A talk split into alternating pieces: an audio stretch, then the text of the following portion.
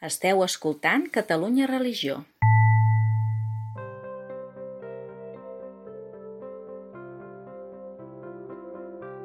Benvinguts a un nou trimestre del Club de Lectura amb fe de llibres. Com ja sabeu, és l'espai que Catalunya Religió dedica a comentar alguns llibres triats, Avui parlem sobre el llibre La interioritat habitada, que és de Francesc Torralba. És un llibre que ha estat editat per CAF, que és el segell de publicacions religioses del grup editorial Edelvives, i es va publicar l'any 2019. No és d'aquest de plena actualitat, però ens parla avui i nosaltres l'hem volgut això recuperar per aquest club de lectura perquè creiem que són temes que estan absolutament de plena actualitat.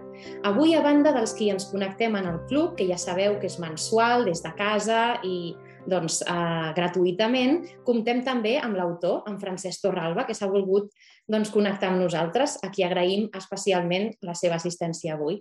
Per qui no el conegui, que jo crec que seran poques persones, en Francesc, que és doctor en diferents disciplines de coneixement com són la comunicació, la pedagogia o la teologia, i de fet acaba de, de presentar eh, l'última tesi doctoral, que no sabria ja dir el títol, però enhorabona des d'aquí.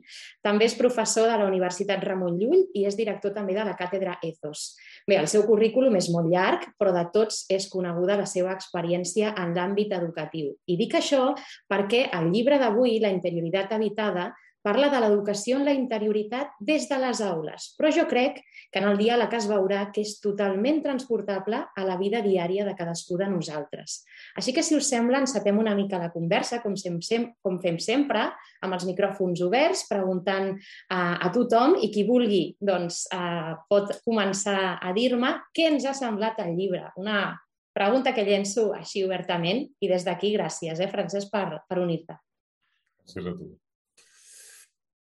Eh, com deies, és un llibre que, d'entrada, quan jo també el vaig llegir la contraportada, sembla dedicat a les aules, no? Al, als educants, i de fet tot, tot el llibre va dient educant, educador, però en realitat és aplicat a la vida diària i sobretot els que tenim fills encara més. Eh, i es pot totalment...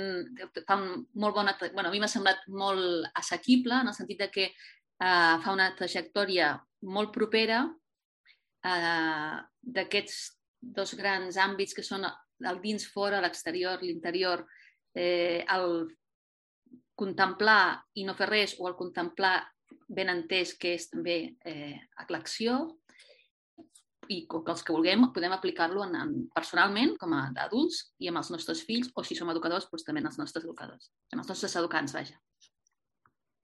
També és molt útil, que a mi sempre m'ha agradat molt això del francès, que és que com que fa referència a molts autors, eh, vas relacionant amb totes les èpoques no? del pensament i a més acabes tenint un llegat de cites i d'altres...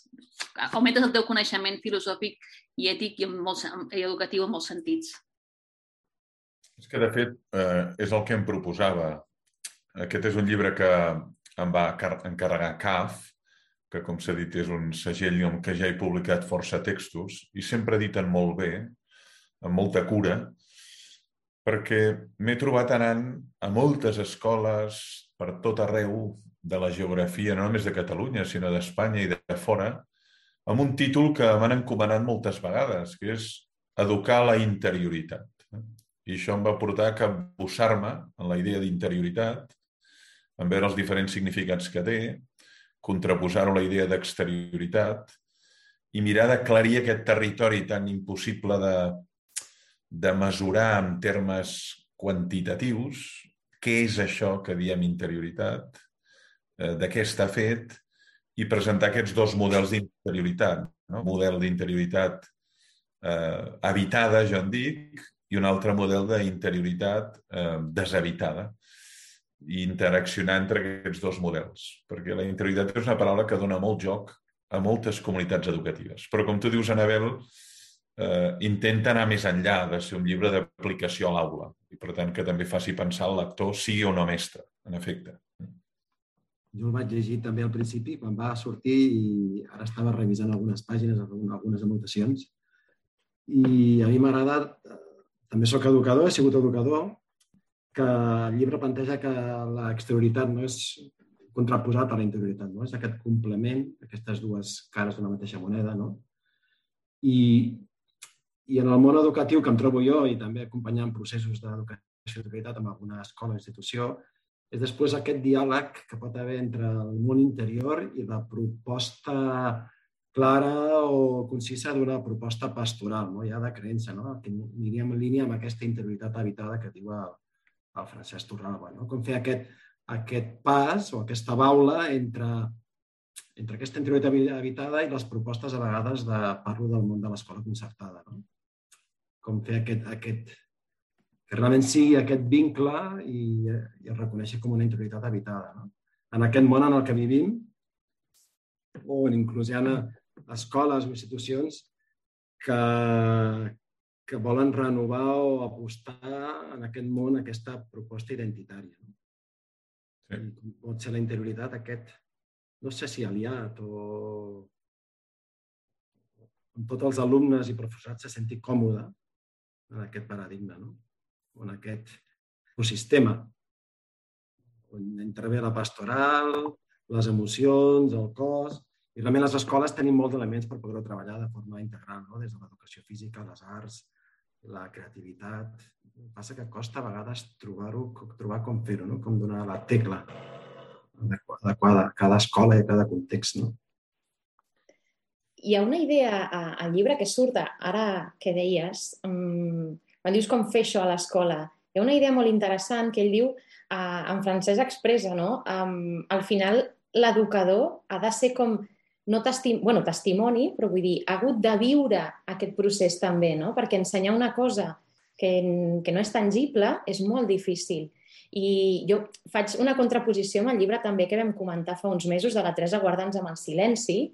També era una mica això, no? És, és, és d'aquestes temàtiques mm, intangibles que si tu no has viscut no pots transmetre com. No, no és com un, com, una, com un receptari, no? un pas 1, pas 2, pas 3. Has d'estar obert una mica a aquest intangible, aquest misteri que jo crec que ella expressa molt bé i també ser capaç de transmetre l'educant, no, Francesc? Sí. sí, de fet, per mi hi ha un principi bàsic, que és ningú no pot donar el que no té. És a dir, jo ara si em diguéssiu toca'ns el violí, no sé, no sé tocar-lo, o toca'ns el piano, no sé tocar-lo. Llavors, si el mateix educador no ha fet aquest procés d'interiorització, com pot estimular els educants a fer-lo? Eh?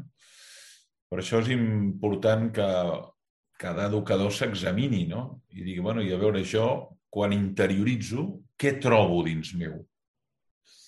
l'ésser humà és capaç de dos moviments, no? anar cap en fora i anar cap endins. El que fem habitualment és anar cap en fora no? i mirar el que passa fora, què passa en el món, què passa a la naturalesa, què passa al telenotícies, què passa a les xarxes. És aquest moviment cap en fora. I, en canvi, aquest llibre el que vol donar és claus per anar cap endins. Això en diem interioritzar. I a la vegada reflexiona sobre què passa quan anem cap endins que d'una banda ens causa molta por, molta perplexitat, molta inquietud, perquè anar cap en fora sempre és més còmode, no? Veure com viuen els altres, veure com s'equivoquen els altres, veure les fallades dels altres. No? Però anar cap endins vol dir sonoritzar-se i vol dir començar a obrir una llanterna i anar obrint llum dins de les habitacions. Per això la imatge del castell, que és una imatge que utilitza Santa Teresa Jesús, a mi m'ha resultat molt il·luminadora. No? Tu un castell el pots veure des de fora, però no pots dir que coneixes el castell si el veus des de fora. Ara, si entres i el recorres tot, des de dins, les habitacions, a baix, el fossar, eh, la torre, la torre d'homenatge que acostuma a haver-hi molts castells, llavors dius, home, jo ara sí que conec el castell. Però, és clar veuràs coses que no havies vist, no? Despintats, eh, habitacions molt humides, i això és el que molt sovint ens causa verdadera por o estupefacció fer. No? I per tant és un llibre que intenta estimular aquesta interiorització, perquè jo tinc la impressió que estem sistemàticament fora de nosaltres mateixos, hiperconnectats i com desparramats cap a l'exterior i molt poc cap endins. Jo penso que no és un llibre, no és un llibre fàcil, és un llibre que sense complex aborda temes eh, realment complexos. i, i forts. Jo hi ha un aspecte que m'ha agradat que surti i és el tema de que cada ser humà és únic i diferent. I aleshores el que em preocupa, lligant amb la intervenció d'en Josep Maria Nonai, el que em preocupa és el tema de la digitalització amb els joves i la uniformització mundial. El món digital és necessari, lògicament, i cada vegada més, i ens reporta molts avantatges, però també el llibre toca precisament aquest, aquest problema que pot esdevenir-se d'un món digital i d'un món que uniformitza les persones. No? És un tema que, que m'ha agradat de que el tracti. Eh, és un llibre que a vegades m'ha obligat a, a rellegir alguns capítols, no? perquè vull dir, anaves traient conclusions, però costa, no? Molt bé, fins aquí el que volia dir. doncs gràcies, eh, Jordi Xavier.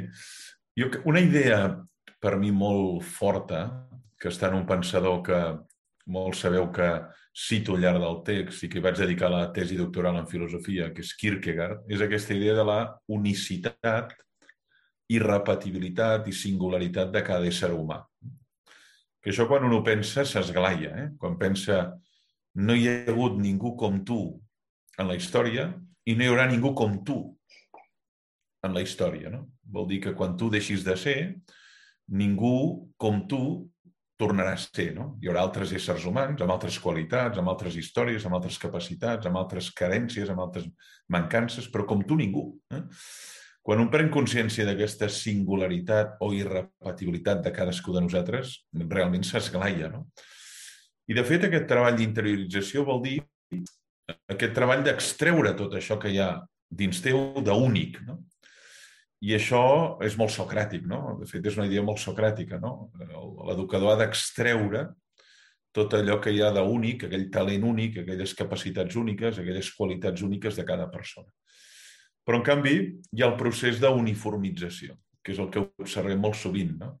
repetim patrons, repetim conductes, ens vestim igual, mirem les mateixes sèries a les mateixes plataformes, parlem del mateix.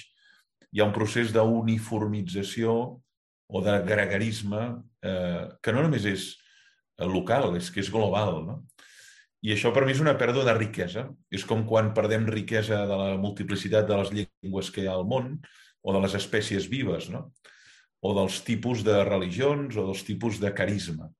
Doncs el mateix diria encara més multiplicat respecte als éssers humans. No? Quan ens uniformitzem, el món s'empobreix, perquè perdem aquesta riquesa inherent de cadascú, perquè aquest cadascú imita patrons, estils, conductes, vestimentes, llenguatges, gregàriament. I això ens empobreix molt. Eh?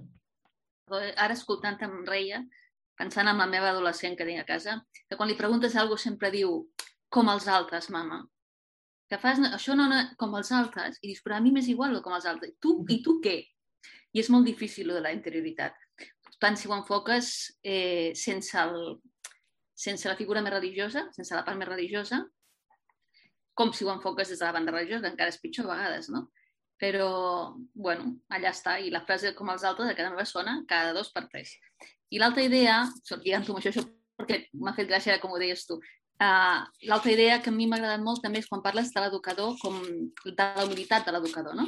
Si has sigut, tots els que hem sigut educadors o que som educadors, saps que primer que l'educació mai és neutra del tot, que també és una idea que dius en el text, eh, quan diuen no, se'ls ha de deixar lliures, a veure, desenganyem-nos, l'educació mai és neutra del tot per molt que tu ho vulguis intentar, perquè sempre hi ha una part de tu que transmets als altres i, per tant, ja només, més enllà de la institució que hi hagi darrere, pública, privada, religiosa o no, educativa, tu com a persona ets una persona mm, única, no? que dèiem, i per tant ja transmets algo únic, eh, però se'ls ha d'ensenyar aquesta llibertat, no? la llibertat de la paraula que també deies, i després perquè, el, sobretot si treballes en el tema de la interioritat, eh, que vol dir les emocions, els sentiments, les relacions, l'acompanyar, per fer-los créixer, eh, la interioritat sempre hi ha una part que s'escapa, no? perquè és que dieu que no és, no és material.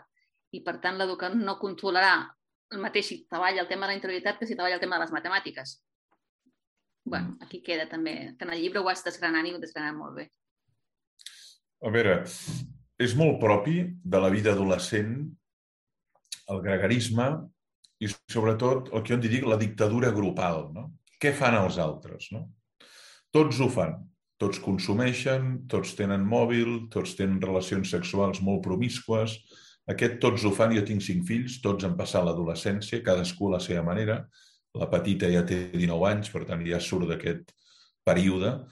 Però l'argument tots ho fan, tots hi van, tots ho prenen, tots eh, ho consumeixen, és un argument que utilitzen molt sovint, perquè si alguna cosa vol és sentir-se part del grup i no ser un marginal, no ser un estrany, allò que ells en el seu llenguatge diuen un friqui, no? un estrany. Llavors, que el viatge de la interioritat, en la mesura que és un viatge reflexiu, introspectiu, et fas preguntes. I això és molt revolucionari, perquè potser arribes a respostes molt diferents dels teus hàbits habituals o del que veus al teu voltant. No? Conseqüència, millor no interioritzar ni fer-se preguntes. Per tant, és una, una tendència molt, molt habitual en aquesta etapa de la vida, perquè el sentit de pertinença, el formar part del teixit del grup, eh, pesa més que la reivindicació del meu propi jo. No?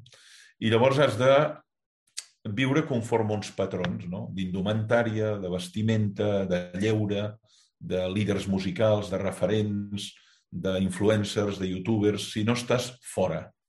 Estàs en el teu metavers personal però ets un friqui, ets un estrany. No?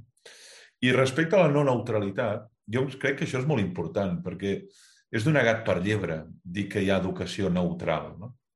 En la mesura que un objecte es posa davant d'un altre i li explica alguna cosa, hi ha en joc la seva biografia, les seves emocions, la seva història, el seu inconscient, eh, les seves pors, els seus prejudicis, tot això es posa en joc. No? Per tant, no hi ha neutralitat possible. Ni tan sols les màquines són neutrals, perquè les hem dissenyat els éssers humans. No? I per tant, diu, bueno, doncs posem un artefacte que sigui neutral, no? perquè l'hem dissenyat nosaltres, els circuits, els algoritmes que tenen, les possibilitats de resposta, i per tant també hi ha una no neutralitat. I a mi sembla que el més honest és dir des d'on eduques, o quines són les teves fonts d'inspiració, o quins són els teus referents. Per tant, si un educa des del cristianisme, almenys és honest a l'hora d'expressar els seus punts de partença. En canvi, jo eh, sospito molt del que em diu nosaltres fem una educació neutral. Malament. No pot ser. Expliqui'm des d'on educa vostè. Des de Marx, des de Mao Tse-tung, des de Jesús, des de Buda, des de Sòcrates, expliqui-m'ho, perquè segur que no és neutral. Quan parlàvem de que, clar, eduquem... A, jo sóc educadora i profe, um, hi ha varietat d'alumnes. En aquest sentit, clar, ara parlàvem també de que uh, tenim un procés fet i aquest procés és el que podem donar, però clar, els alumnes són tan diferents que, que no tenim tots els processos fets. En aquest sentit, jo haig de dir que hi han dos llibres d'en de, Francesc, no? la intel·ligència espiritual i la intel·ligència espiritual pels nens, que t'ajuden, no? de vegades els professors estem sempre buscant eines no? i buscant formes de, no de ser neutrals, perquè és veritat, no som neutrals, però els recorreguts dels alumnes són molt diferents. I de vegades també, jo també em trobo que la riquesa que tu trobes amb la interioritat eh, no sempre és tan òbvia per tots els alumnes, no? I intentar ensenyar com entrar dins, intentar... I fins i tot ets de dir una cosa, que també és de CAF. Hi ha un llibre de CAF que és... Eh, no recordo exactament el títol, però són els espais religiosos o una cosa així, que jo el tinc i m'agrada molt. De vegades et trobes fins i tot amb, amb alumnes d'altres religions que també vols guiar i que els hi vols ensenyar no? quina és aquesta riquesa, no només del castell interior de Santa Teresa, sinó, doncs, jo què sé, de la riquesa de la forma d'un espai com la mesquita, no? i bueno, doncs aquell espai, aquest llibre és també molt bo. No? bueno, doncs, com fer-ho, no? Com, com, bueno, per mi és una, és una pregunta en veu alta, però llegiré el llibre per completar. Gràcies. Em sembla, em sembla potser que el llibre que estaves esmentant és Caminar por lo sagrado? Sí, potser? exacte. Sí? Espais Ara que buscar, veieu, la tecnologia també de vegades ajuda. Eh? Sí, molt bo, molt bo per conèixer els altres espais d'altres religions i, i, bueno, sí, sí, és molt bo, és, és d'aquesta editorial també. És que, Belén, el que dius és molt valuós, perquè l'espai no és irrellevant en el procés d'interiorització. Poso un exemple, no? Jo a l'estiu vaig a un poblet molt petit que està molt a prop del camí de Santiago. Eh? Uh -huh. Aquí tenim el Jordi Xavier que està a Tarol, doncs jo vaig molt a prop de León i allà veig passar molts peregrins, no? Jo mateix he fet el camí, no? És clar, quan un, passeig, quan un camina a primera hora del matí sol per un camí que és bonic, que a més a més veu sortir el sol, que naturalment això invita a la interiorització. Ara, si un es troba al metro de Fontana a les 7 del matí com una anxova, això no invita a la interiorització. En canvi, sí que invita a estar en una església romànica o en un claustre cistercenc o en una mesquita o en un jardí taoista o en un, què sé jo, no? en una església eh, evangelista. No? Els espais no són irrellevants. No? Llavors, clar, nosaltres quins espais educatius tenim? No? Com són les comunitats educatives? Què fem amb els nois i les noies? No? hi ha espais que invitin a la interiorització. Una cosa és el pati, una altra cosa és el menjador, una altra cosa és l'aula, una altra cosa són els passadissos, no? Una altra cosa és la capella. Què fem amb la capella, no?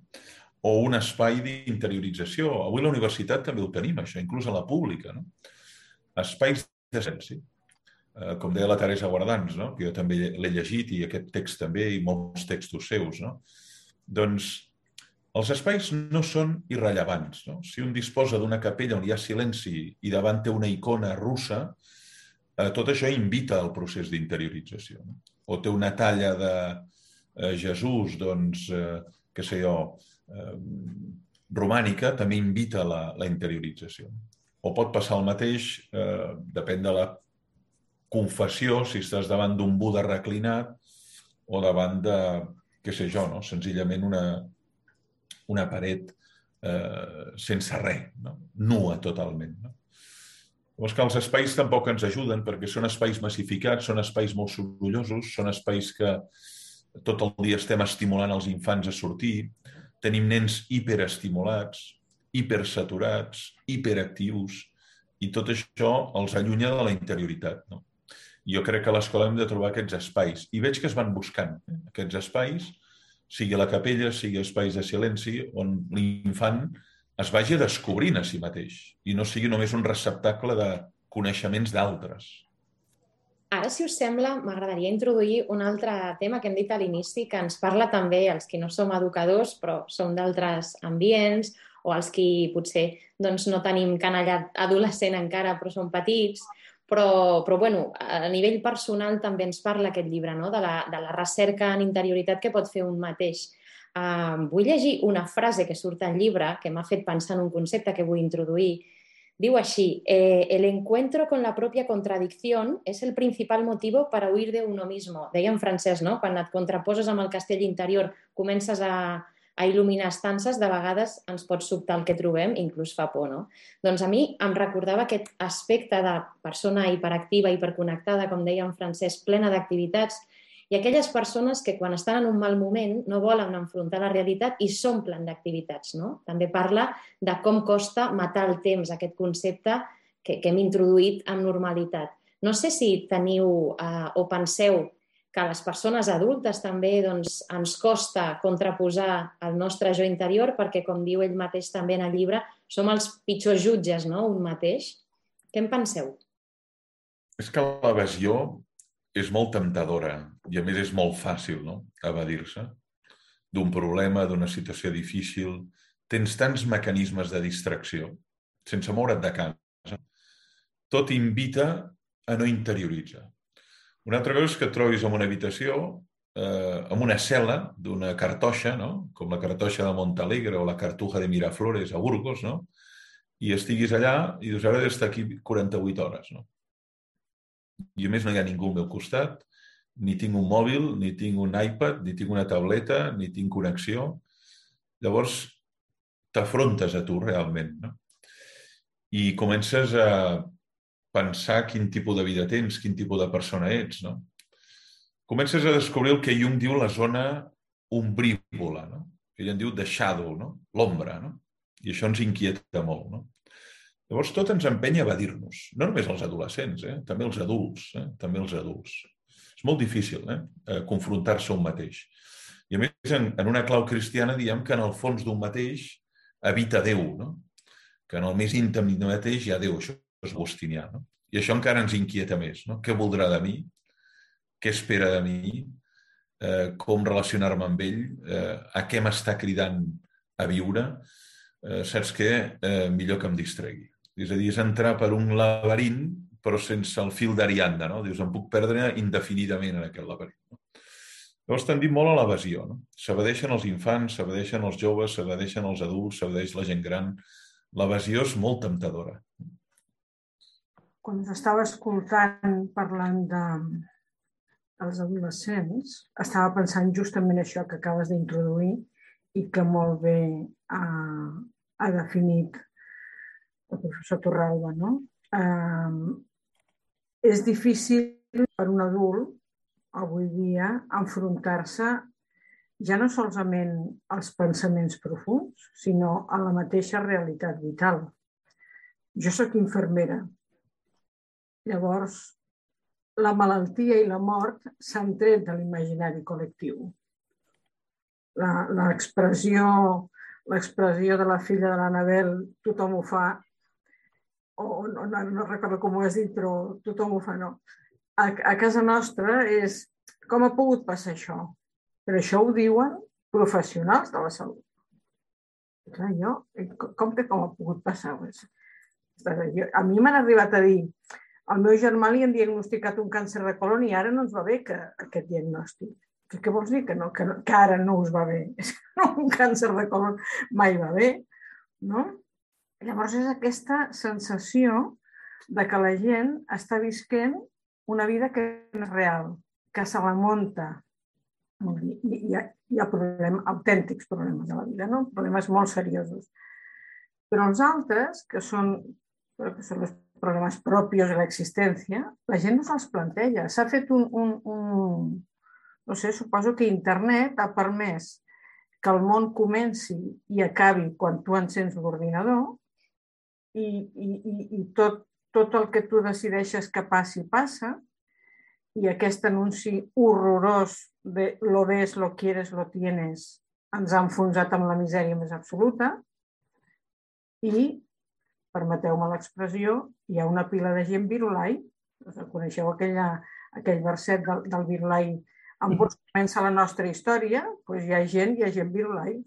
El món ha començat en el moment en què he aparegut jo no hi ha un antecedent històric ni hi ha una conseqüència, no? Però tot és per pensar. Ja, no, a, a lo millor estic dient una barbaritat semàntica, ja no m'atreveixo a dir interioritzar, sinó no, no, no, no assumir allò que et porta la vida. I la pandèmia ha sigut, m'atreviria a dir, la, la, el signo patognomònico del que ens està passant. És que ja porta dos anys. I què? I la guerra als nostres avis els va durar tres. I a los sirios pregunten el que les està passant. Vull dir que és com si no... Com si la idea que ens hem fet nosaltres de la vida ens sàpiga greu que no s'ajusti a la vida real. No? Jo crec que això és molt greu, perquè això genera fracàs continu. Em sembla, eh? no, no ho sé. Jo tinc el llibre mig llegit, professor, me l'acabaré de llegir no me da la vida. No jo també m'he fet unes expectatives de vida que no se cumplen. És molt interessant el que dius, Els, i donaria peu a una reflexió gairebé d'un altre llibre. A veure si d'aquest fòrum surt un altre llibre, no? Perquè el que has dit és molt, molt, molt, molt real, no? Molt sovint construïm una imatge fictícia del que és existir. I quan arriben el que en diríem els imponderables, la malaltia, el sofriment, la mort d'un ésser estimat, la pandèmia, eh, senzillament no ho teníem en l'horitzó. Això no podia passar, no? perquè jo sóc el que controlo, domino i ho converteixo tot en disponible. No? I hem oblidat que hi ha molts elements que no estan sota la nostra voluntat i que sobretot no controlem pràcticament res del que vindrà. Eh? Llavors, és una cura d'humilitat immensa la pandèmia, perquè te n'adones de el poc control i el poc, la poca sobirania que tens sobre, sobre el món i sobre el que passarà. No? Però és veritat, aquesta tendència a creure's que jo sóc al centre, domino els esdeveniments, eh, tinc un pla de vida i s'ha de complir, i no contemplem la possibilitat del fracàs, de la caiguda, de la malaltia greu, eh, del sofriment, de la pandèmia, tot això no, no ho considerem. No? I llavors, i aquí viu en aquesta vida fictícia. Conseqüència, frustració, perquè topes constantment contra un mur. Eh? Contra un mur o bé t'indignes contra el professional que no ha salvat el teu pare, eh, contra el professional que no ha salvat la teva mare, com si depengués d'ell, no? I això és terrible, no? Dir, escolta, és que la gent es mor. Eh? Vostè no li han explicat que l'única certesa és que ens morirem? Això està en un, això està en un sermó de Sant Agustí del segle V. L'única certesa que tenim és que tots els que som ara aquí parlant, d'aquí uns anys no hi serem, cap dels que som aquí. És l'única certesa que tenim. Alguns potser penseu abans altres, tampoc ho sabem quan. No? La certesa del mort, diu Sant Agustí, va acompanyada de la incertesa del quan, del com, de on, de quina malaltia, però certesa de que ens morirem. No? Hi ha persona que diu, no, escolta, això jo no ho tenia previst, ni ho tenia planificat, ni ho tenia controlat, ni ho tenia agendat. Però a vostè no li han explicat que el més important no està mai agendat, s'esdevé contra la seva voluntat. No li he explicat mai a ningú això. Doncs ja té 50 anys, ja ho podria anar entenent. No?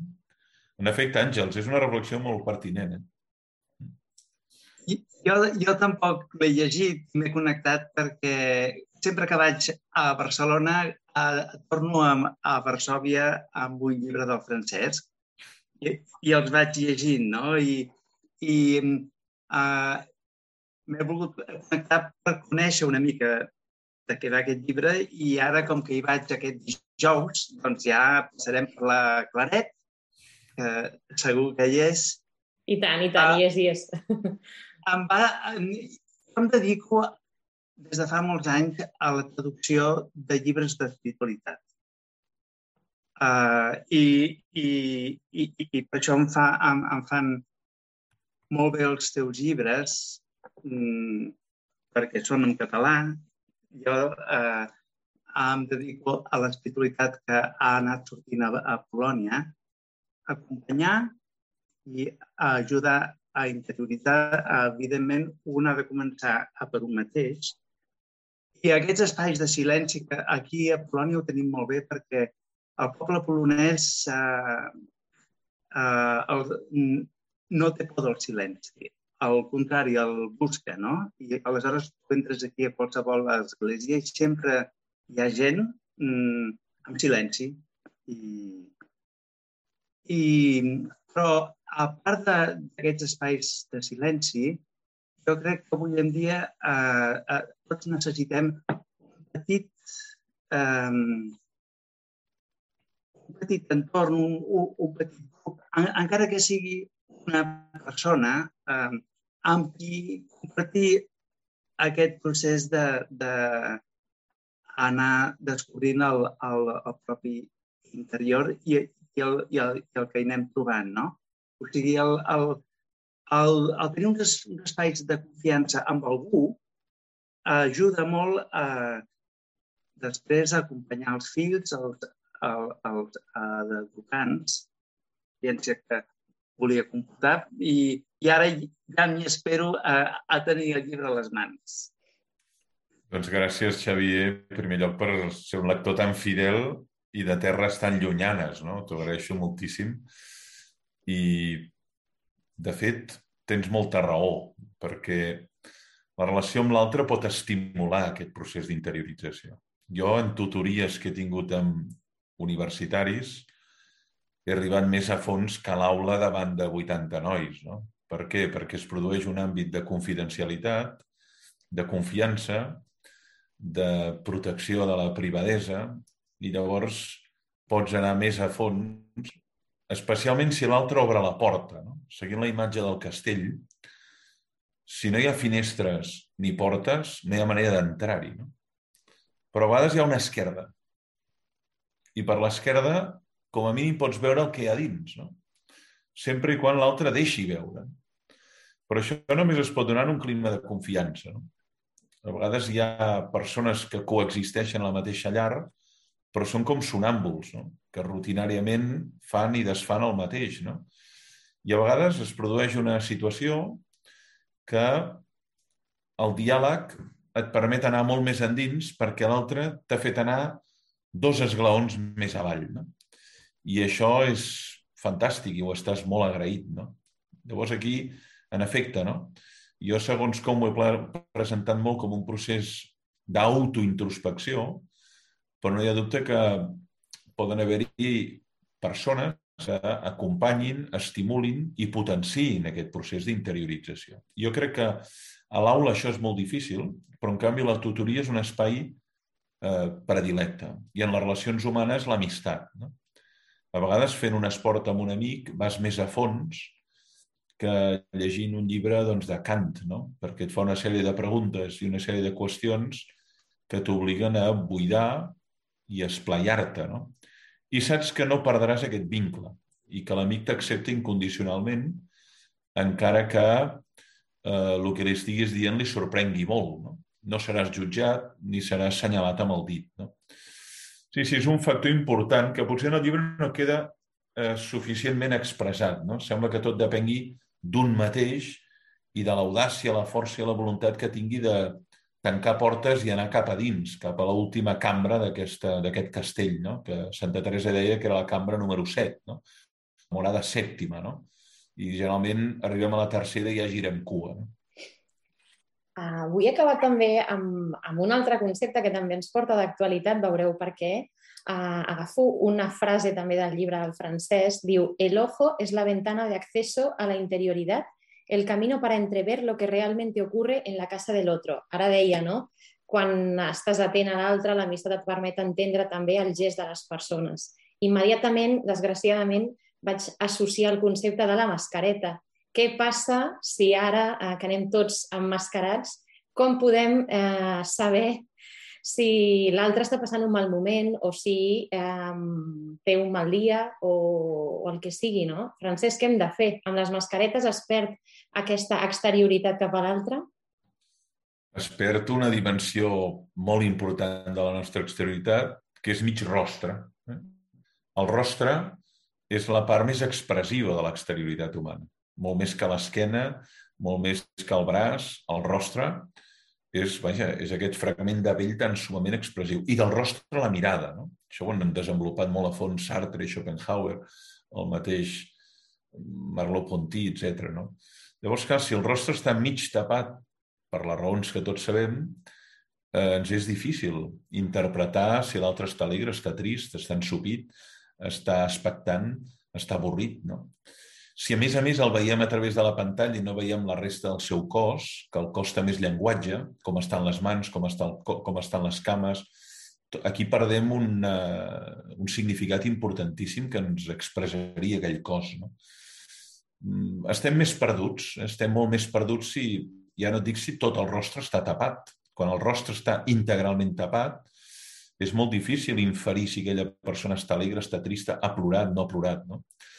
Perquè el rostre és, en gran part, el mirall de l'ànima, no? l'espill de l'ànima. Ara bé, sempre té una dimensió d'ambigüitat. Eh? Hi ha molts bons actors i molt bones actrius. No? Hi ha persones que saben fer veure que estan contentes, però de fet estan enfonsades. No? un bon actor és capaç de fer això, de sortir i representar el paper de Hamlet, però no tenir cap dubte, no? O representar el paper de Gregor Samsa, no?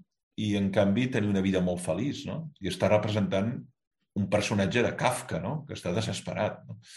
Llavors, un bon actor té aquesta capacitat. Nosaltres som mals actors i a vegades se'ns veu el llautó, que diem en català, no? A tu se't veu el llautó, no? sobretot els que ens coneixen, no? Jo arribo a casa, la meva dona em pregunta com t'ha anat el dia? I dic, molt bé. I em mira i diu, no t'ha anat bé. M'ha anat molt bé. Mira, tu pots dir que t'ha anat bé, però la cara és expressiva de que no t'ha anat gens bé. És més, és molt probable que abans d'entrar t'hagis assecat alguna llàgrima a l'ascensor. No cal que m'ho expliquis. Potser no m'ho vols explicar o ja m'ho explicaràs d'aquí una setmana, però el dia no t'ha anat bé. I té raó, el dia no m'ha anat bé. Els que ens coneixen ens, ens clissen, eh, ens veuen, no? En canvi, els que no, podem passar amb l'actor, amb la màscara. No? Sí que allò de la màscara dona molt joc. Per cert, hi ha una exposició meravellosa a Barcelona, al CCCB, sobre la màscara, no us la perdeu, els usos de la màscara, els múltiples usos de la màscara, des del Ku Klux Klan fins a la mascareta sanitària. No? I vaig anar fa dos dies amb la meva dona justament a veure aquesta exposició que és molt interessant. La màscara en el carnestoltes, la màscara religiosa, la màscara com a protecció de la privacitat, la màscara del butxí. Eh? Té, té molts jocs, la màscara. Eh? Hi ha peu també per un altre, per un altre llibre, en efecte. Bueno, doncs ho deixem uh, aquí amb aquesta, amb aquesta última idea. No estem emmascarats, per sort, tot i que els oients només sentiran la nostra veu. Jo crec que ha estat prou clara, uh, amb idees uh, positives si us plau, des d'aquí doncs, crec que queda clar que és un bon llibre per eh, recuperar el 2022. Em temo que el 2023, 24, 25 i és una d'aquestes virtuts que té en Francesc Torralba, que ens parla any enrere any sobre temes molt genèrics i en aquest cas sobre l'educació en la interioritat des de les aules, però hem vist des de la societat en general, des de la vida de cadascú i també de la comunitat. Així que només em queda agrair-vos eh, la vostra estona, sobretot a tu, Francesc, gràcies per, per ser amb el nostre club de lectura. Recomano la propera lectura, que és el dia 1 de març, amb la lectura del Cançó de la Plana del Ken Haruf. És una novel·la, aquest cop, que és un altre àmbit eh, de, de coneixement que farem i dialogarem tots junts a veure què ens sembla. Doncs gràcies a tots per, per l'estona i gràcies a tu, Francesc. Molt bé, gràcies a tots també. Gràcies. Adéu-siau. Gràcies. Catalunya Religió.